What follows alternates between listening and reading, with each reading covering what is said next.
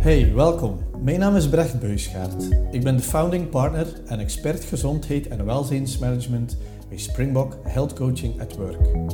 Zalig dat jullie er terug bij zijn en heel blij dat jullie de tijd nemen om te luisteren naar onze vierde Springbok Walk Your Talks podcast. Straks gaan we samen op wandel met onze nationale geluksprofessor en gezondheidseconoom verbonden aan de Universiteit van Gent, Lieven Annemans. Deze hartige en rust uitstralende expert neemt ons mee naar de prachtige plantentuin van Meissen aan de rand van onze hoofdstad. We krijgen inzichten over het belang van een duurzame investering in gezondheid en welzijnscampagnes en hoe je deze strategisch het beste aanpakt en wat de sleutels tot succes zijn. Ik hoop dat jullie evenveel hoesting als mezelf hebben om er opnieuw in te vliegen. Let's go for a walk.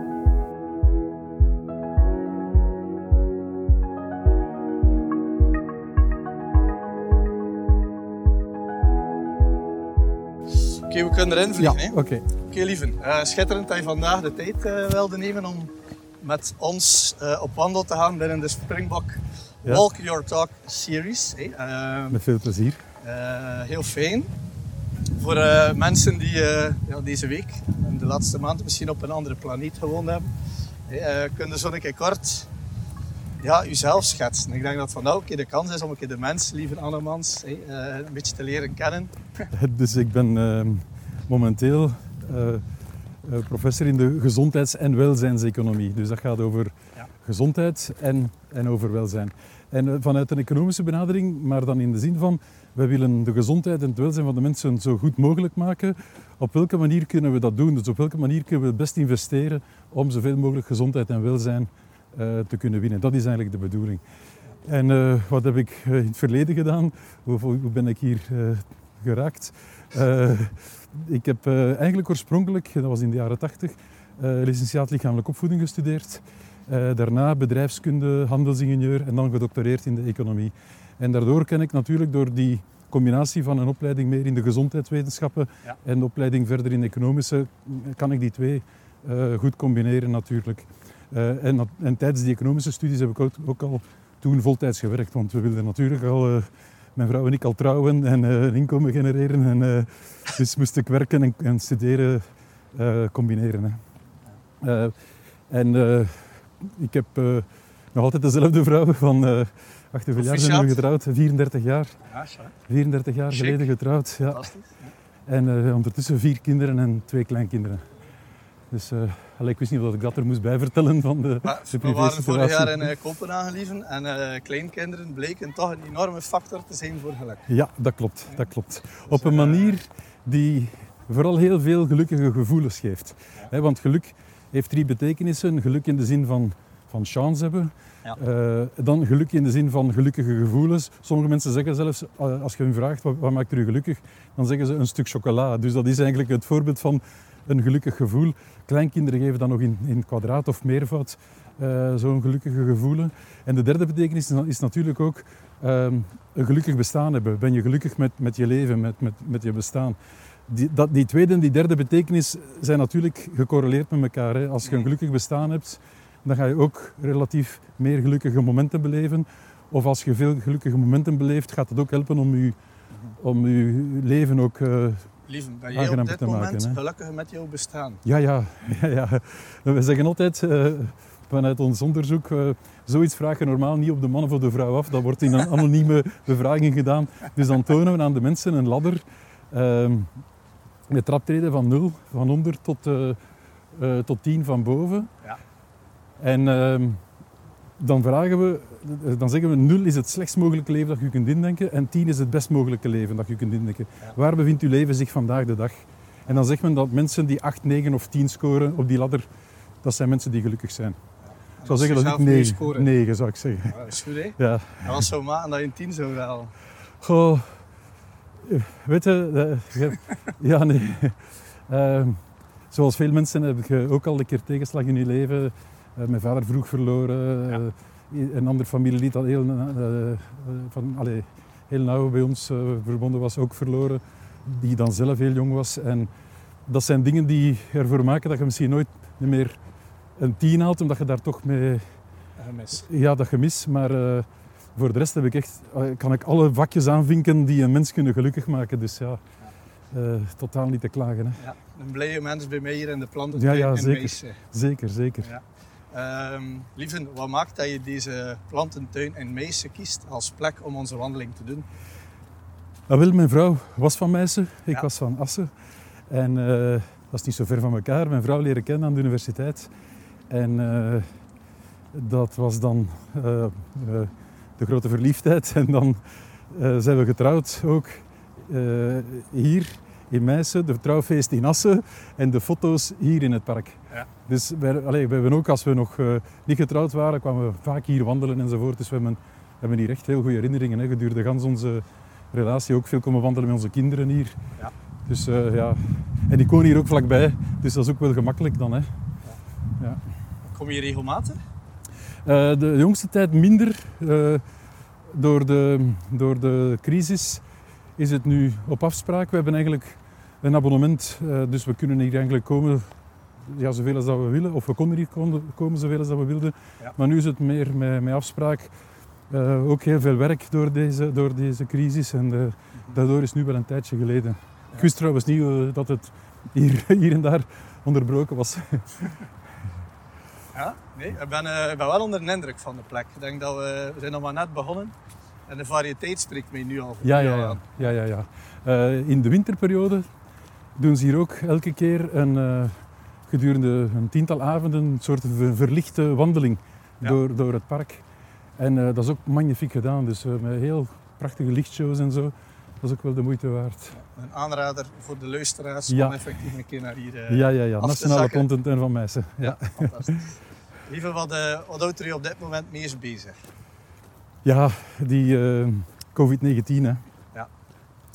Eh, in begin, eh, begin maart was dat onmiddellijk door de lockdown afzeggen van ongeveer eh, alle afspraken of zeker alle lezingen enzovoort. Dus dat was even rustig. Maar dan kon ik het niet laten en ben ik mij beginnen te moeien. en eh, en eh, dan ben ik een tijdje actief geweest in subwerkgroepen van die. Ja. Ehm, en dan werd ik aangesteld een beetje later door de Vlaamse regering voor het maatschappelijk relatiecomité van ja, wat, wat nadien, hoe, hoe gaan we ons maatschappelijk weefsel herstellen. En daar was ik dan voorzitter van. En ja, dan, dan, dan was dat heel, heel veel werk. En de rest blijft lopen natuurlijk. Hè. Ja, en is Dus, er, ligt er een bepaalde bekommernis dat je daar echt wel iets, mee- iets, iets mee doet momenteel? Nee, niks voor mij persoonlijk natuurlijk, maar eh, allee, mijn, mijn aanvoelen is, in, in gans deze crisis, helemaal in het begin hadden we geen andere keuze dan een lockdown. Maar dan moesten we wel zo snel mogelijk zoeken naar een evenwicht. Want ondertussen is duidelijk dat door die lockdown dat er heel veel armoede is gekomen. Ja. Eh, dat er eh, angst is, eh, depressies, twee keer zoveel als voordien. Dat mensen met ernstige ziekten zich niet deftig hebben kunnen laten behandelen. Dus daar is echt wel veel te zeggen voor ja, veel beter evenwicht zoeken om te vermijden dat we terug zo'n lockdown zouden hebben. Hè. Een beetje over de mens, lieve Annemans. Ja. Hoe zorg jij lieve ervoor dat je... je bent een mens die in een goede shape zit. Redelijk. Je straalt gezondheid uit. Ja. Eh, hoe zorg je ervoor dat je zo jezelf op dat tempo kunt blijven manifesteren? Ja. Ehm, qua beweging probeer ik eh, vier keer per week. Allee, ik doe het eigenlijk. Ik probeer het niet. Dat lukt. Vier keer per week eh, beweging. Ik noem het beweging omdat drie keer per week is eigenlijk gewoon vroeger opstaan om een half uur te fitnessen. En één keer per week met de vrienden eh, zondagochtend gaan fietsen. Ja. Op een redelijk tempo. dus niet te, niet te snel, we kunnen zo gaan.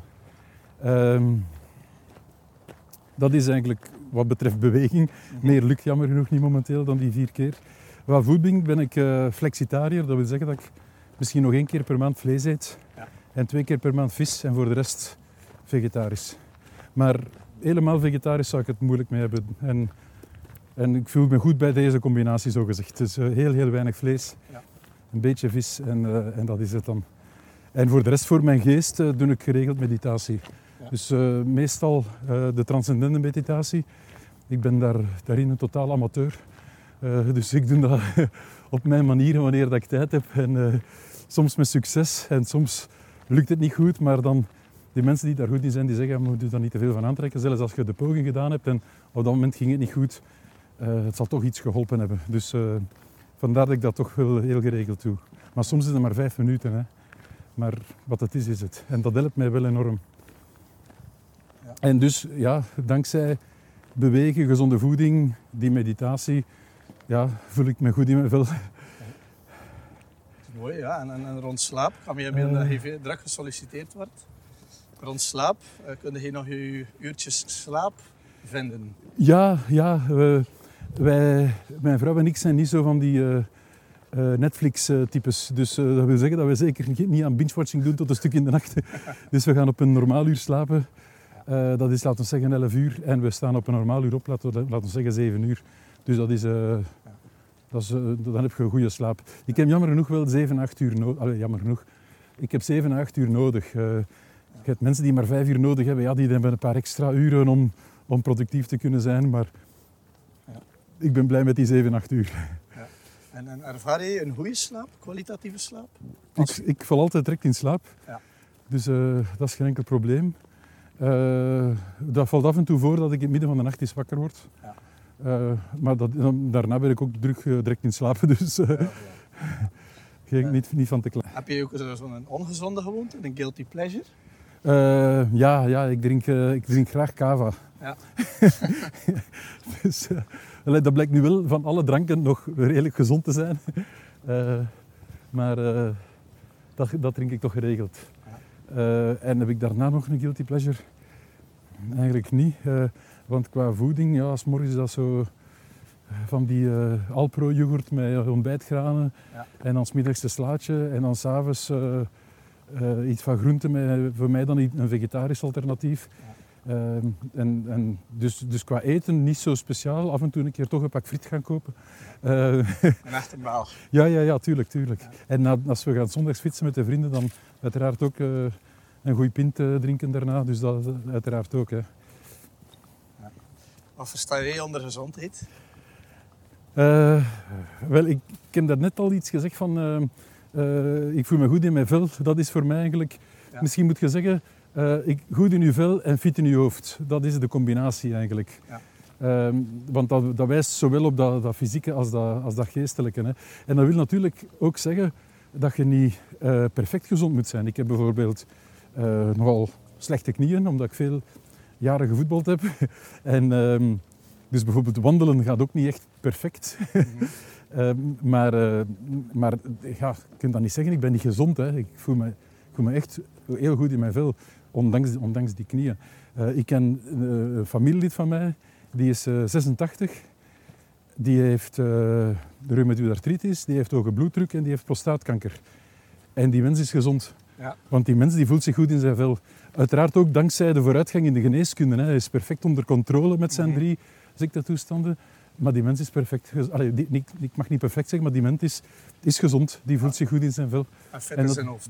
En fit in zijn hoofd. Ja. En volgens mij is dat wel echt belangrijk.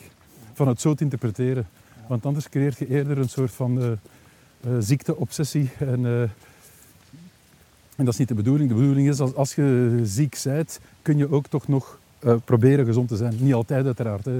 Mensen die zeer ernstig ziek zijn, dan is het heel moeilijk om je goed in je vel te voelen uiteraard.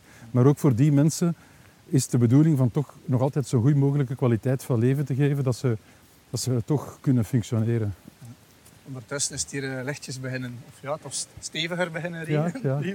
Gelukkig zitten we hier eh, juist op tijd in het bos. hè. Het bladerdak die ons wel beschermt. We Belangrijk, zullen, we zullen een beetje over het weer in het bos gaan.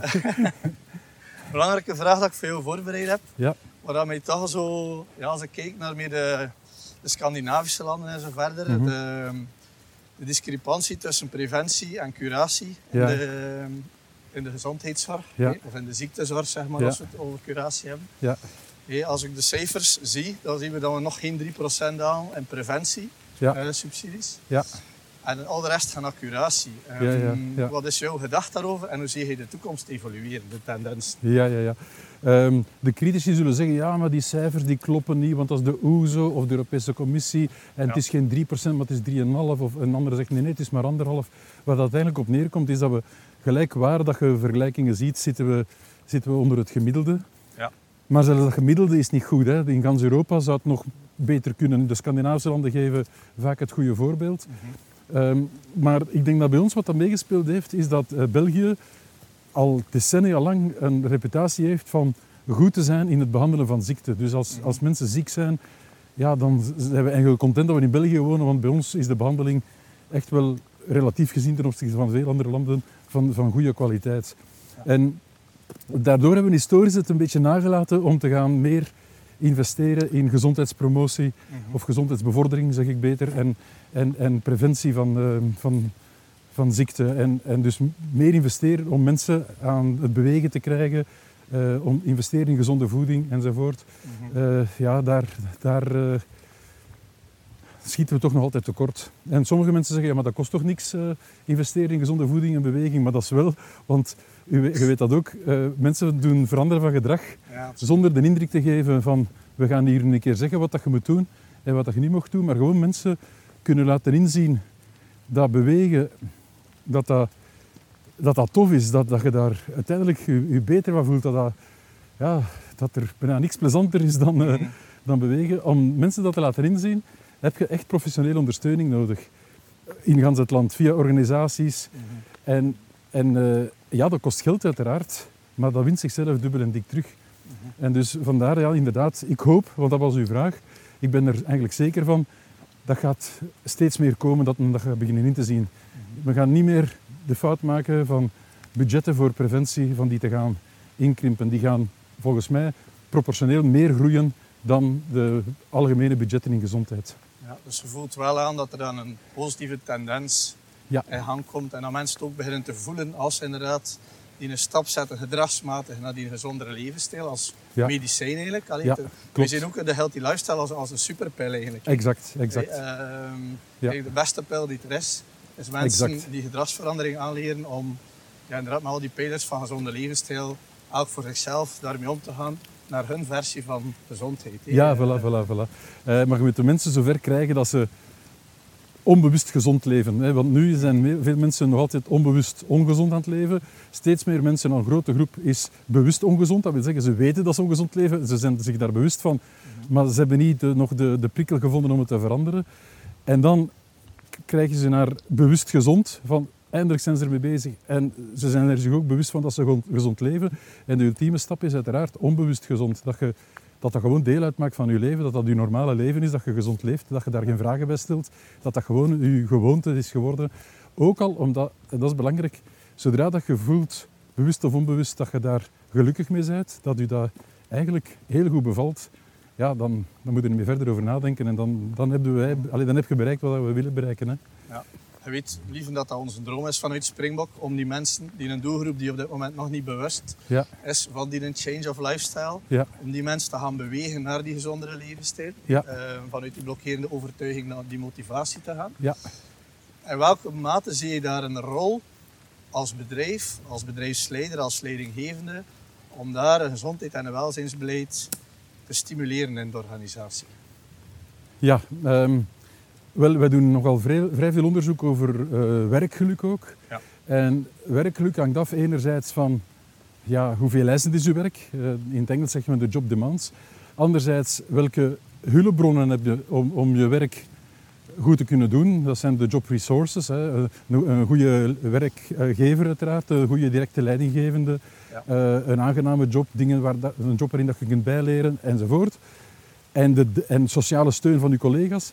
En de derde blok is een goede fysieke en geestelijke gezondheid. Mhm. Als, je de, als de demands te hoog zijn, of hoog zijn, wat als je ziet in sommige jobs, maar dat wordt dan gecompenseerd door zeer goede job resources en een zeer goede gezondheid, dan kan je uiteraard zeer gelukkig zijn op je werk. Dus voor mij is dat een belangrijke pijler.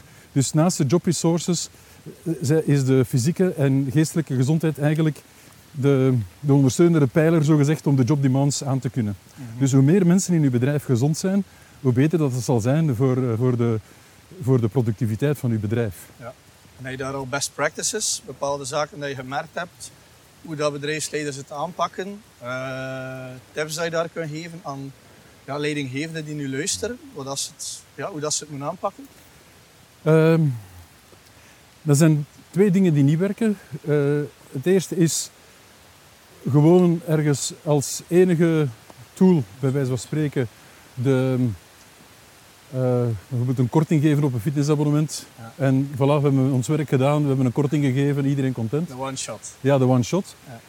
En ten tweede een soort van paternalisme. Ah, zeg, ik heb gehoord dat we, als, als jullie allemaal meer bewegen, dat dat hier goed gaat zijn voor gans ons bedrijf. Dus vanaf nu moet iedereen meer gaan bewegen. Dat, moeten, dat hoort er niet bij. Dus het is volgens de regels van, en de kunst van de gedragsverandering, eh, samen met, dat, dat doet het best met een professionele zoals, zoals jullie, ehm, de mensen inderdaad overtuigen van verdorie, maar dat is plezant eh, sporten of bewegen, zeker in groep. En dat is de, de kans die je dan krijgt als werkgever, dat je dan de, de groep die er sowieso is, de teams enzovoort, van die samen eh, dingen te laten doen zonder het gevoel dat dat verplicht is, zonder het gevoel dat dat een, een must is. Maar ook altijd in combinatie met eh, werken aan, aan het bedrijfsklimaat. Dus niet enkel dat, maar ook het bedrijfsklimaat Het is verbeteren. alleenstaand gegeven. Nee, voilà, voilà. moet kaderen vanuit een authentieke bedrijfscultuur, Voilà. waardegedreven ondernemerschap, waar de mens centraal, vanuit de zorg voor de medewerker, eh, dat zijn allemaal Voilà.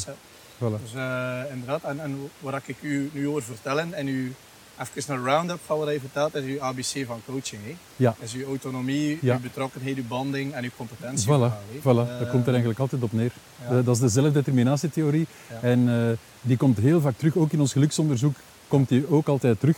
Eh, los van, van, van bewegen en, en, eh, en gezonde voeding, zie je dat in een bedrijf waar een leidinggevende aan zijn werknemers autonomie geeft, dat hij zorgt dat er verbondenheid is tussen de collega's en dat de mensen zich bekwaam voelen in de job die ze doen, Mm. dan zie je die direct eh, een paar Ja. punten omhoog gaan in zaken werkgeluk. En als je daar dan zo nog eh, gezond kunt maken, dan... eh, Er hangt elektriciteit in de lucht. ja, ja, ja, ja. Oh my. Ik denk dat dat hele duidelijke en verstaanbare, logische inzichten zijn, lieve, als Ja. we het inderdaad over die gedragsverandering hebben van de juiste doelgroep. Nee, niet enkel die Ja. happy few die al overtuigd is Ja. die andere mensen, eh, dat we daar eigenlijk die strategie echt, dat we dat echt strategisch moeten gaan benaderen. Ja, ja, ja, dat ja. dat niet zomaar te doen is met een losse flodder of zo'n keer van top-down een paar initiatieven richting een 10 miles. Daarmee Nee. gaat het niet opgelost Nee, nee, nee, inderdaad. En sommige werkgevers die denken dan van, ja, maar ja, moet ik daarin investeren? Want eh, dat is toch hun eigen verantwoordelijkheid van een gezonder leven te hebben. Mm. Maar als je daar als werkgever mee kunt toe bijdragen, dat is niet alleen uw verantwoordelijkheid uiteraard, maar als je daar mee kunt toe bijdragen, dan, dan winnen we als samenleving twee keer. Dus te zeggen, die mensen gaan gezonder en dus ook gemiddeld gelukkiger zijn. Want hoe gezonder dat je bent van lichaam en van geest, hoe meer kans om gelukkig te zijn. Mm. Maar dat gaat ook een return geven naar u zelf als werkgever, want die gezonde mensen die gaan inderdaad ook meer bevlogen zijn, die gaan meer creatief zijn en die gaan, die gaan eh, initiatieven nemen en die gaan productiever zijn. Dus, dus ja, je wint er zelf ook aan. Ja, absoluut. Dus, dus, en, en dat is bij sommigen nog niet genoeg doorgedrongen. Ja. Sommigen zeggen ook van, maar ja, ik investeer daarin en dan zijn ze weg. Maar we zien eigenlijk het omgekeerde. Als je daarin investeert, zie je minder turnover, want ze zijn, ze zijn gelukkiger. Dus waarom zouden ze weggaan? Ja, ziet je. Dus eh, daar is Nee. nog wel een beetje werk aan om die perceptie nog, nog wat bij te sturen. Ja. Het u heel graag zeggen, lieven. Eh, investering. hè, dat, dat werkgevers zien als een investering. Ik Mhm. denk dat dat inderdaad, je op de house-curve ziet, dat Ja. dat nog altijd het minimum is Ja, die zo redeneert. Klopt. Dat ze het als een investering zien en niet als een kost. Ehm, die dubbele verantwoordelijkheid die je eraan heeft. Dus inderdaad, een werkgever neemt ook die verantwoordelijkheid, medewerker neemt de verantwoordelijkheid. werknemer neemt de verantwoordelijkheid door te investeren, in het beste geval. Om dat te zien echt als een investment, wat een goede zaak is. Ehm, als we dan hebben over die investeringskant, Mhm. hebben we daar zo twee hele mooie afkortingen van. Mhm. Eh, je weet waar ik naartoe aan het gaan Ja, ja, ja. Het eh, return on investment, dat is de economische absentismeberekeningskant. Ja. Maar langs de andere kant heb je ook een hele mooie value on investment als je investeert Mhm. in dergelijke terreinen. Ja, ja, ja, ja. Kunnen we daar een keer even jouw gedachte over horen? ROI versus. VOI? ja, ja. Eh, er zijn een aantal werkgevers die, die, die tot die early adopters horen. Hè, van, van ik, ik, wil, ik wil heel graag dat mijn werknemers eh, gezond zijn. En ik ga dat op een niet-paternalistische manier aanpakken, zoals ik daarnet zegde. En die zich nog nooit de, de vraag hebben gesteld, wat is de return on investment? Die Ja. gaan onmiddellijk voor de value on investment. Want die, die weten gewoon, eh, als ik dit doe, ga ik gewoon de algemene cultuur in het bedrijf verbeteren. Ga ik eh, meer bevlogenheid zien, meer creativiteit. Ehm, ga ik als werkgever ook een beter imago hebben binnen mijn bedrijf. Ze gaan mij graag zien. Eh, buiten het bedrijf ga ik ook een goed eh, eh, imago krijgen. Van, ah, zeg, dat zijn de die daar die, eh, die, waar dat ze allemaal samen sportactiviteiten en, en, en, van alles doen. En, en die zijn er allemaal zo gezond en dat is daar plezant precies. Dus dat geeft ook een imagoverbetering naar, naar buiten toe. En veel van de dingen kun je moeilijk in euro's uitdrukken. Maar toch is dat van een enorme meerwaarde.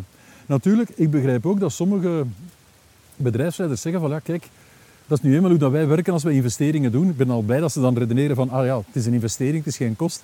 Eh, als wij een investering doen, willen we toch wel een keer graag weten hoeveel ons dat oplevert. En dan kijken we inderdaad maar naar drie zaken, namelijk absenteïsme, presenteïsme en turnover. Want turnover kost natuurlijk ook, en kan je ook in, euro, in euro's uitdrukken. Um, wat blijkt dat als je gezonde, gelukkige werknemers hebt, dat vooral het, het effect er vooral is op, op, uh, de turn, uh, op het presenteïsme en op de turnover. Iets minder op het absenteïsme. Dus ze, ze zullen minder afwezig zijn ook, uiteraard. Maar het grote verschil vind je in presenteïsme. En presenteïsme, ja, dus minder productief zijn op de job, betekent vaak voor veel bedrijven een hoger verlies dan absenteïsme. En men beseft dat niet altijd goed. Mm. Presentisme is iets dat zeer moeilijk meetbaar is. Uiteraard, uh, uiteraard. Ja, ja. We hebben daar vroeger studies over gedaan. Ik herinner mij nog studies met de, met de stopwatch. uh, en, maar daar, daar zijn ook mooi geslaagde studies over hoor. Uh, zelfs zelf gerapporteerde studies, hè, waar dat natuurlijk dan de werknemers de garantie kregen dat het anoniem bleef, maar dat ze dus zelf konden rapporteren hoe hoe productief ze al dan niet waren geweest op een bepaalde dag. Dus welke taken, dat, dat hangt af van de job natuurlijk. Hè. Mm -hmm. en, en dat je zag dat de, de stopwatch-methode eigenlijk vrij goed correleerde met de, de zelfgerapporteerde. Op, op voorwaarde die zelfgerapporteerde wel uh, anoniem is, want anders denkt men, oh, als ik dat hier nu ga invullen en ze weten dat, dan gaan ze niet content zijn. um, maar het is, het is moeilijk te meten, maar die studies waar het gemeten is en waar ze het, waar ze het gebruiken in hun onderzoek, tonen dat ehm, gezonde en gelukkige werknemers uh, veel minder presenteïsme vertonen. Mhm. Veel meer bevlogen zijn, veel meer enthousiast. Maar nogmaals, dat is dan maar de pure return on investment.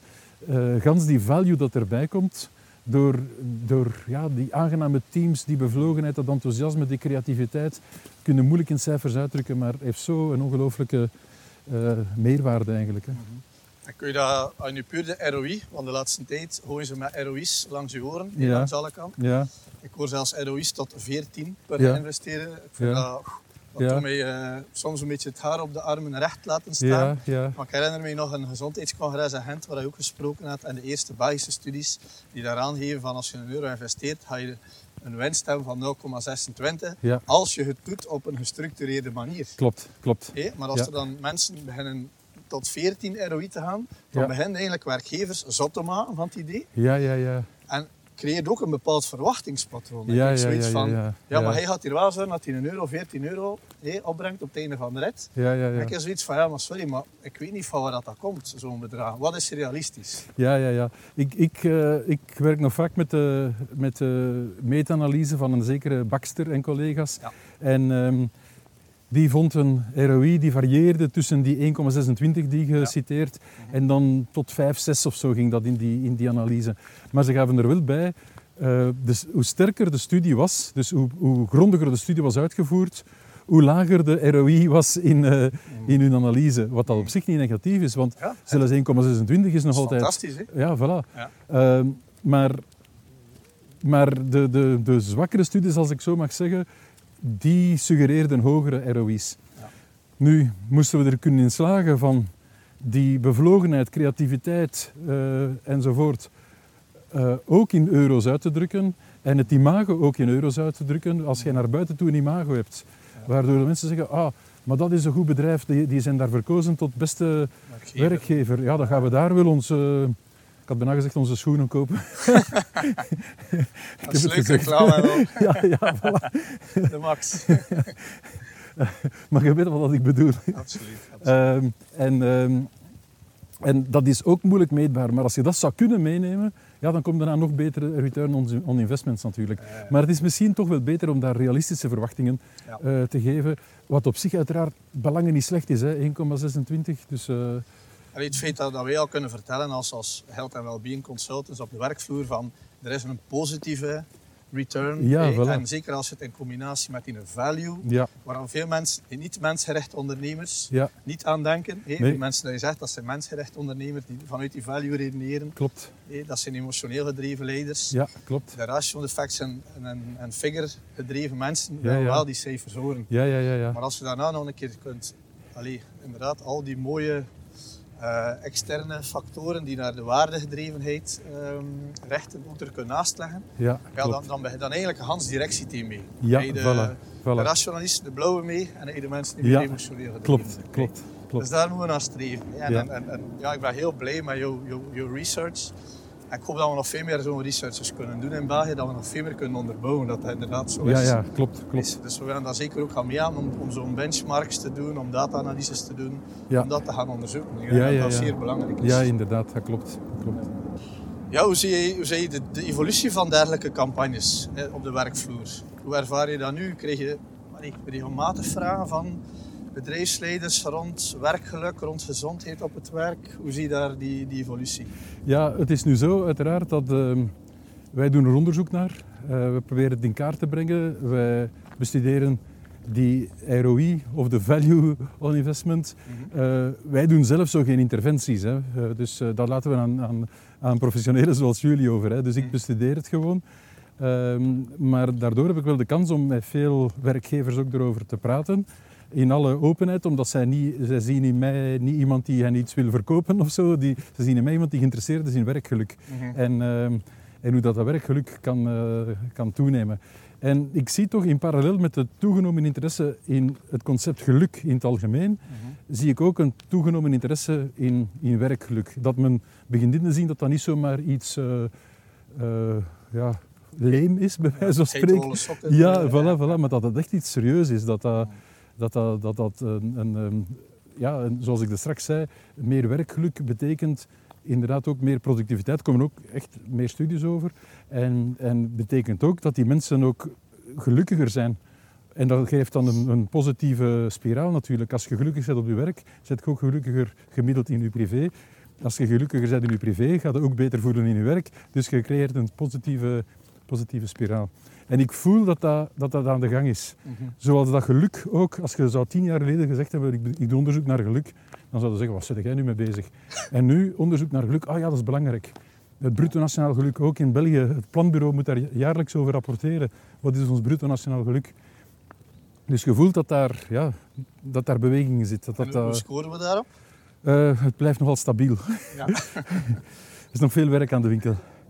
Want natuurlijk, dat bruto nationaal geluk heeft ook te maken met, eh, met onder andere ja, een, een voldoende inkomen hebben om, om eh, een dak boven je hoofd te hebben en, en voeding te kunnen hebben elke dag, gezonde voeding, Basisbehoeftes. En daar zijn toch nog altijd eh, ja, 10 tot 15 procent van de, van de Belgen die niet genoeg hebben om aan die basisbehoeften te voldoen. En dat geeft natuurlijk een belangrijke domper op het geluk van die mensen in de eerste plaats, Ja. maar haalt dan uiteraard ook het gemiddelde naar, naar beneden. Mhm. Maar er zijn ook veel andere dingen. Hè. Mensen die alles hebben om gelukkig te kunnen zijn, daar zie je dat veel mensen bij die groep toch niet gelukkig, is, Mhm. niet gelukkig zijn. En dat heeft dan te maken met de kwaliteit van je sociale relaties, eh, met hoe dat je je geestelijke gezondheid verzorgt, eh, met autonomie, met betrokkenheid, met eh, zich competent voelen, zich nuttig voelen in wat dat je doet in je leven. Eh, want dat zien we ook, hè. Dat is een beetje raar, maar gemiddeld zijn gepensioneerden gelukkiger dan, dan werknemers. En dat komt dat die gepensioneerden eh, meer autonomie ervaren, want ja, niemand of weinigen zeggen hen nog wat dat ze moeten doen. Eh, die voelen meer betrokkenheid, want die doen aan sociale selectie. Die gaan vooral om met mensen waar dat ze weten, ja, daar voel ik me goed bij. En die, ondanks dat ze gepensioneerd zijn en misschien al wat fysiek en wat minder, die zijn ook competent, want die kiezen activiteiten waarin dat ze zich eh, competent voelen. Dus die scoren beter op, op die A, B en C dan, dan werknemers. Maar mijn ambitie is dat, dat werknemers zodanig gelukkig zijn op het werk dat ze eigenlijk niet meer willen, willen met pensioen gaan, bij wijze van spreken. Ja, maar is jouw gouden raad, lees ik daar zo'n beetje tussen de regeltjes, dat de huidige werkgeneratie, dat ze meer moeten durven opkomen voor wat ze echt zelf willen. Natuurlijk, in autonomie, autonomie zit een wederkerigheid. Hè. Eh, eh, als de ene alle autonomie opeist, dan gaat dat wel ten koste van de autonomie van de andere. Dus in autonomie zit een, een, een wederkerigheid. En wat dat je daar zegt van opkomen daarvoor, ja, maar dat hangt dan ook van de, eh, werkgever af die voor een, eh, wat men dan noemt, een veilig eh, psychologisch klimaat zorgt. Dus dat, dat zijn werknemers mogen een keer iets zeggen. En zelfs een keer tegensprekend bij, bij de leidinggevende of zelfs bij de, bij de topmanager. Dat je in een vergadering waar iedereen samen zit, dat je zegt van ja, ik ben niet akkoord met wat je daar zegt, daarom en daarom. Of ik heb daar toch vragen bij. In een goed bedrijf waar een goede eh, psychologische veiligheid is, dan kan dat. En dan kunnen mensen inderdaad ook eh, de nodige autonomie krijgen. Je ziet dat typisch, daar is nu een, een boek over verschenen. Eh, de titel van het boek is eh, Waarom uw oplossing het probleem is. En dat is naar leiderschap geschreven. Je hebt veel leiders die zeggen, voilà, kijk, dat moeten we halen. En ik ga u een keer zeggen hoe dat we dat gaan doen. Zo, zo en zo en zo. Dus hij geeft eigenlijk al de oplossing. Terwijl een goede leider die gaat zeggen, dat gaan we halen. Ik geef misschien één, en twee, één of twee eh, tools, misschien niet meer. Maar voor de les laat ik het dan nu over om, om dat te bereiken. En dan gaat die werknemer veel meer autonomie voelen en die gaat dan, ja, je gaat een veel beter resultaat krijgen. Creatieverhaal. Ja, voilà, voilà. Ja. Ik herinner me eh, ook wat je er juist zei, triggert iets in mij. Ooit ben ik naar een, eh, een event van Organizations of the Future, die zeer sterk op mensgericht ondernemerschap Ja. gericht is. En eh, Dominique Leroy kwam daar spreken. Ja, ook, ja. Toen, toen was ze nog topvrouw bij Proximus. En een van de dingen dat, ik- dat ik echt opgestoken heb van haar keynote was dat, dat zij erin slaagt om binnen Proximus een, een feedbackcultuur te creëren.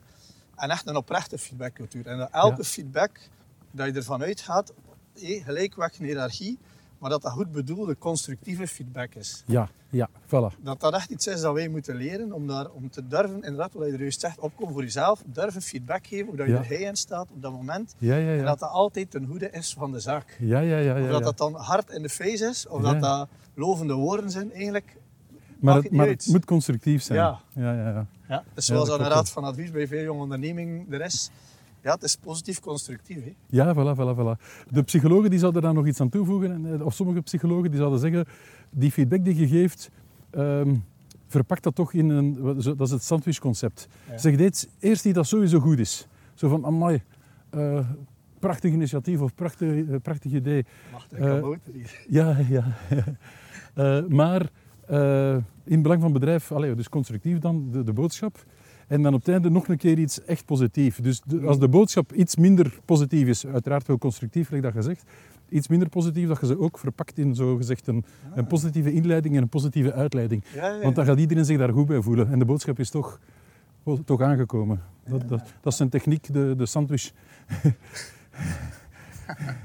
Keer ook eh, het ene en het andere keer over googlen, de sandwich. Ja, ik weet niet of je er veel over vindt. hoor.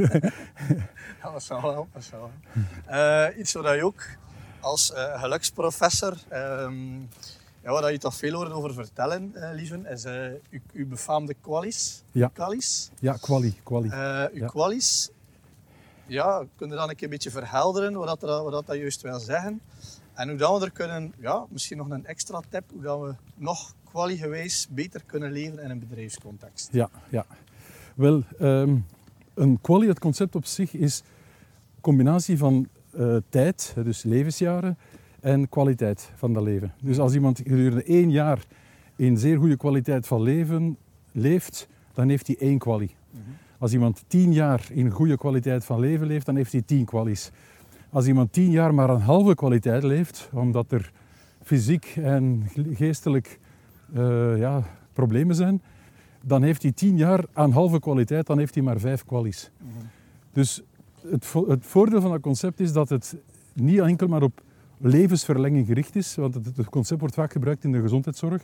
Het is niet gericht op, alleen op levensverlenging, maar ook over de verbetering van de kwaliteit van leven tijdens dat leven. Soms kun je meer kwalies winnen door iemand een betere kwaliteit te geven tijdens het leven, dan, dan proberen krampachtig dat leven te verlengen.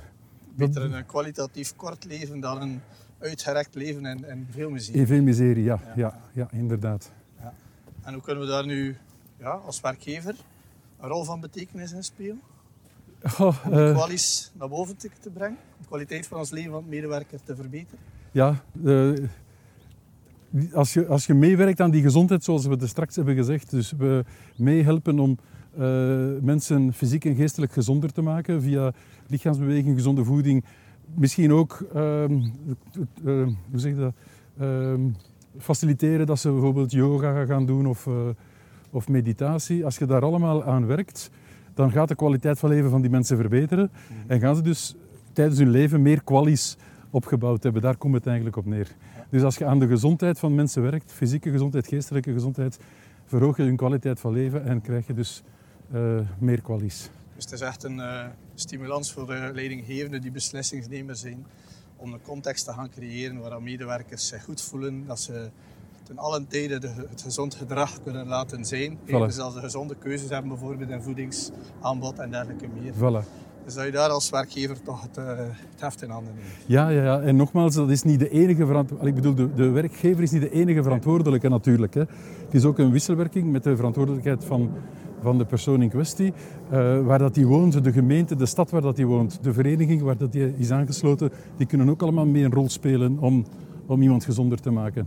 En nogmaals, dat is het laatste dat je moet doen, is dat op een paternalistische manier doen, want ik heb al iets te veel het woord moeten gebruikt. um, dat is niet de bedoeling en dat is geen, geen moeten, dat is iets dat je via de theorieën van de gedragsverandering eigenlijk automatisch gaat, -hmm. gaat genereren. Dat is de, dat is de kunst. Het is mooi dat je eraan toevoegt, dat er, uh, en blijft eraan toevoegen dat het een gedeelde verantwoordelijkheid is. Ja, ja, en, uiteraard. Dat is absoluut het, uh, absoluut het geval. Okay. Dus mijn verhaal gaat liever nu over over jou, de manier waarop dat jij zorgt voor jezelf. We hebben ook gehad over hoe belangrijk is het als werkgever om die kwalies te verbeteren, die context te creëren in een organisatie waar mm -hmm. daar van verdieneffect aan zit. Mm -hmm. Zowel de value als de return on investment kant. Mm -hmm. Als we dat nu wat maatschappelijker gaan zien, onze rol van betekenis. Ja. Um, wat kan je daar ons, ons adviseren als burger uh, om, om, maatschappelijk ons steentje bij te dragen aan een gezondere maatschappij? Um, je bedoelt dan als burger op zich, voor jezelf en voor anderen? Of, um, of, of, of, of jij als organisatie, hoe dat je als werkgever ja. Maar laat, laat ons eerst daar een keer op hoe kunnen als ja. werkgever ervoor zorgen ja. dat de, de, planeet beter, mooier en gezonder wordt. Ja, ja, ja. ja. Je hebt dat ooit nog een keer in een TED-talk gezegd. Ja, ik weet het. Dat was in een openingszin. Ja, ja, ja, ja. ja. Um, het is uiteraard, zoals ik al gezegd heb, een, een gedeelde, gedeelde verantwoordelijkheid. Maar we zien dat als jij ten eerste als werkgever naar je eigen mensen toe ervoor zorgt dat ze gezond en gelukkig kunnen zijn. En je doet daar alles aan via al de tools die daarvoor beschikbaar zijn. Hè. Uw emotionele intelligentie van uw leidinggevende, uh, uw, uh, solidariteit tussen collega's uh, aan, aanscherpen, uh, de jobinhoud aantrekkelijk maken, purpose geven, zeggen ze dan in het Engels, aan, aan, aan de job. Dat zijn zoveel tools die je hebt om, om mensen gelukkiger te maken op hun job. Daarbij ook nog aan hun gezondheid mee helpen werken. Dan, dan, heb, dan maak je tenminste al je eigen werknemers al gelukkig. -hmm. En als je, hoe groter je bedrijf is, hoe, hoe meer mensen zo gezegd dat je bereikt hebt. Maar dat gaat verder dan dat, want wij hebben gezien in ons onderzoek dat mensen die gelukkig zijn op het werk ook gemiddeld gelukkiger zijn uh, thuis. Dus met andere woorden, daar zit een, een sterke relatie. Mhm. En sommigen zeggen, ja, maar ja, die relatie, het is misschien omdat ze gelukkig zijn thuis, dat ze gelukkig zijn op hun werk. Dus de, de, het causaal verband, zogezegd, het oorzakelijk verband gaat van gelukkig zijn thuis, maakt je ook gelukkiger op het werk. Mhm. Maar het werkt in twee richtingen. En zodra dat iets in twee richtingen werkt, dan moet je maar op één richting ingrijpen en je krijgt een positieve spiraal. En dus op, op die manier kun je als werkgever een groot verschil maken. Als dan ook nog u, wat dat je daar doet naar buiten komt, dat dat visibiliteit krijgt, dat anderen zien van, amai, wat zijn die daarmee bezig? Mhm. Dan krijg je ook nog eens een sneeuwbaleffect naar andere werkgevers. Mhm. En op die manier, ja, breid je dus, uh, breid je dus die happiness uit. Ja. Die verspreidt zich eigenlijk als een virus, Mhm. maar dan een positieve. Um, ja, zeg maar. Dus die hele verwantschap tussen wat je als bedrijf kunt doen rond die health en well-being, straalt zich uit op de maatschappij binnen een CSR-verband. Ja, dat heeft te maken met uw waarden. Hè. Uh, je, je, wordt verondersteld. Ik, ik, denk dat dat heel vaak samengaat. Een, een, bedrijf dat overtuigd is van wij moeten maatschappelijk verantwoord ondernemen. Ja. Datzelfde bedrijf zal ook gemakkelijker overtuigd zijn van wij moeten zorgen dat onze mensen gezond zijn. Mm -hmm. Dat gaat heel vaak samen volgens mij. Dus je ziet er wel parallellen. Ja, ja, ja. tenzij dat, die, dat er zijn ook soms bedrijven die dat maatschappelijk verantwoord ondernemen een beetje als een uh, window dressing uh, doen. Hè. Van zie een keer wat dat wij doen, maar niet echt uh, praktisch wat hij preach. Mm -hmm. maar die dat, dat echt menen, daar zie je dan eigenlijk een ja, dubbel positief effect. Enerzijds werken aan de gezondheid en geluk van hun eigen werknemers en anderzijds ook een belangrijke rol spelen in de richting van een, een meer ethische, meer ecologische, uh, meer sociale maatschappij. Ja. Dus dat is, idealitair gaan die twee dingen samen. Ja, maar je ziet het echt wel als een toegevoegde waarde als je het en-en doet. Ja, ja, sowieso. Ja. Ja, ja.